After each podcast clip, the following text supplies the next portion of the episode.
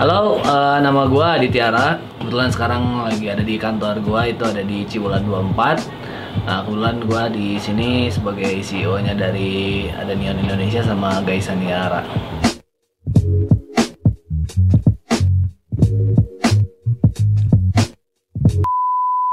Jadi Neon itu sebenarnya singkatannya dari bahasa Indonesia ya. Jadi dari apa nilon dan neon. Jadi nilon itu kurang lebih dulu ya kita memang sebenarnya masih sih sampai sekarang kita masih menggunakan material-material khususnya dari nylon. Nah kalau neon sendiri itu mungkin ya dulu jarang yang eh, apa tas tapi warnanya aneh-aneh. Bahkan sampai kan kalau neon itu sebenarnya spektrum ya. Neon itu jadi diangkat sama gue buat eh, ya istilahnya singkatan dari nama si neon sendiri gitu. Jadi kalau misalkan digabungin neon itu adalah ya bisa gue nggak pernah bilang neon bags gitu ya aja karena at the end mungkin neon itu akan ada t-shirt jacket dan lain sebagainya. Jadi kalau neon sendiri memang eh, padu padanannya lebih ke carry your fun. Jadi karena ada si neonnya sendiri jadi barang-barangnya itu memang harus yang mengandung fun gitu jadi kenapa gua terjun ke neon? Jadi sebenarnya basic gua kan dulu majornya adalah arsitek. Nah tapi gue punya pengalaman kurang lebih lima tahun. Nah di pengalaman yang terakhir ini gua kerja di sebuah biro di Singapura.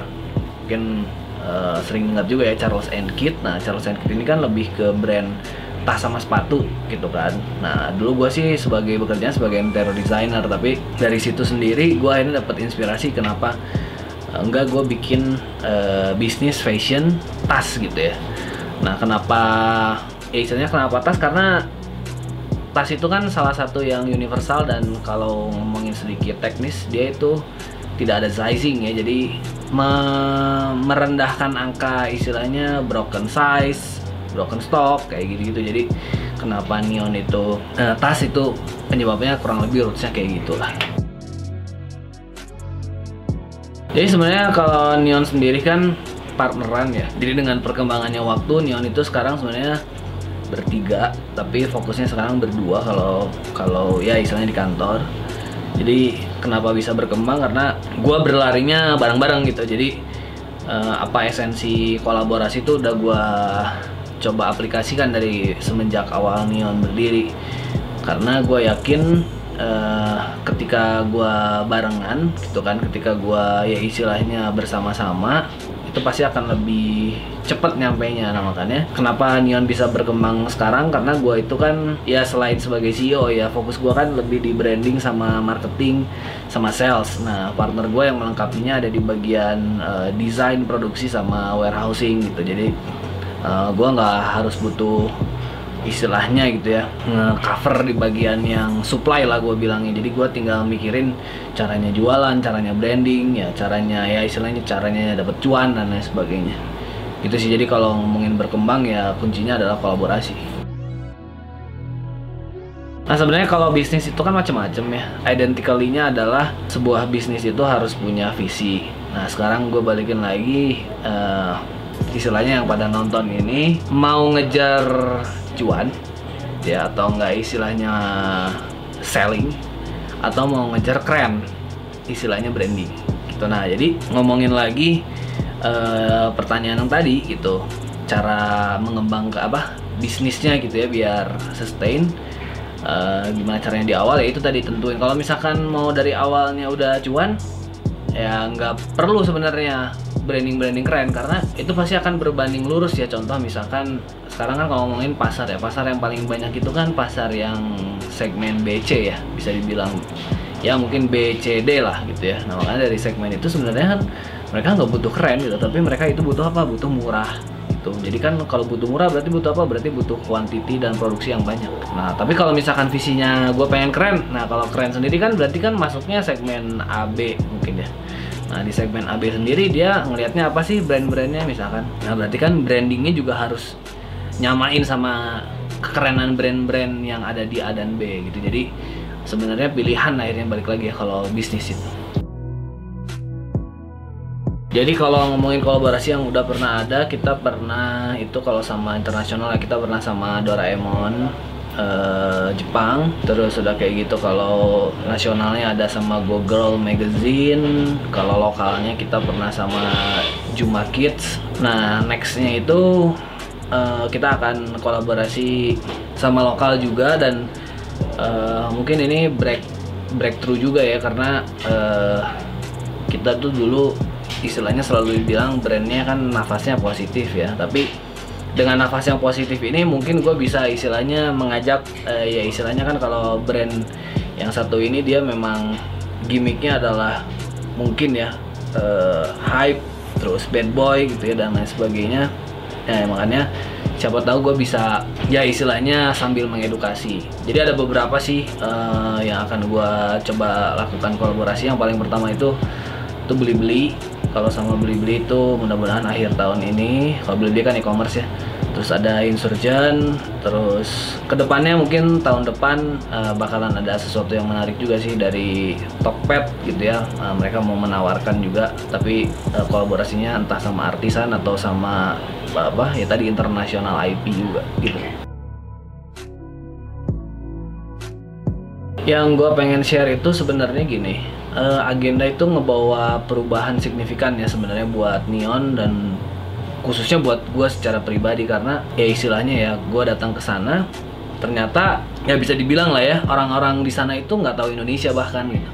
Jadi yang secara sedihnya adalah eh, ternyata Indonesia itu belum dianggap sebagai negara ada gitu kan belum dianggap sebagai apalagi nanya Bandung Jakarta mereka nggak tahu gitu. Dan bahkan ya mungkin as in Neon juga dikiranya itu bukan brand dari Indonesia gitu kan. Nah makanya eh, pelajaran yang gue petik di agenda itu adalah gue bukan berarti pengen ma apa ya eks apa eh, keluar negeri gitu ya maksudnya. Tapi gue itu pengen mengedukasi eh, internasional bahwa ada loh brand-brand lokal dari Indonesia khususnya misalkan di Bandung yang levelnya tuh setara gitu sama brand-brand ya internasional baik itu di Amerika, di Eropa dan lain sebagainya. Jadi eh, agenda itu istilahnya ngebuka banget eh, bahwa ya semua orang yang ada di Indonesia itu memang harus showing up gitu. Minimal itu masuk ke medianya internasional lah gitu. Walaupun susah ya kalau kayak ngomong lah ekspor gitu. Jadi gue sih eh, sangat kebuka banget dan mengajak semuanya di sini buat apa eh, istilahnya mengekspos Indonesia. Terus yang keduanya adalah gue belajar tentang eh, B2B ya. B2B itu kan sebenarnya bisnis to bisnis jadi sebenarnya ya istilahnya ya brand-brand besar yang ada di internasional itu mereka besarnya itu bukan dari mereka jualan retail. Misalnya retail itu buka toko tapi mereka itu ya dia dibeli sama reseller siapa, dibeli sama buyers, dibeli sama wholesaler siapa. Jadi mengajarkan ke gue juga buat oke lah kalau jualan istilahnya jualan receh itu kita online aja maksudnya ke customer. Tapi kalau misalkan mau jadi something big lo harus jualannya ke buyers gitu. Itu sih ya tadi ya balik lagi. Produk lokal itu tuh sebenarnya visi besarnya harusnya ya setiap brand lokal itu gimana caranya. Gue sih lebih setuju disandingkan ya daripada mengesampingkan brand internasional. Kenapa ngomongnya disandingkan? Karena kalau disandingkan itu tuh kita tuh bisa setara. Jadi misalkan nih gue misalkan hari ini misalkan nih gue pakai eh, misalkan hoodie Supreme gitu ya. Dan gue hari ini pakai jaket dari PMP misalkan baju gue misalkan um, Urban Outfitters misalkan dari Urban Outfitters misalkan.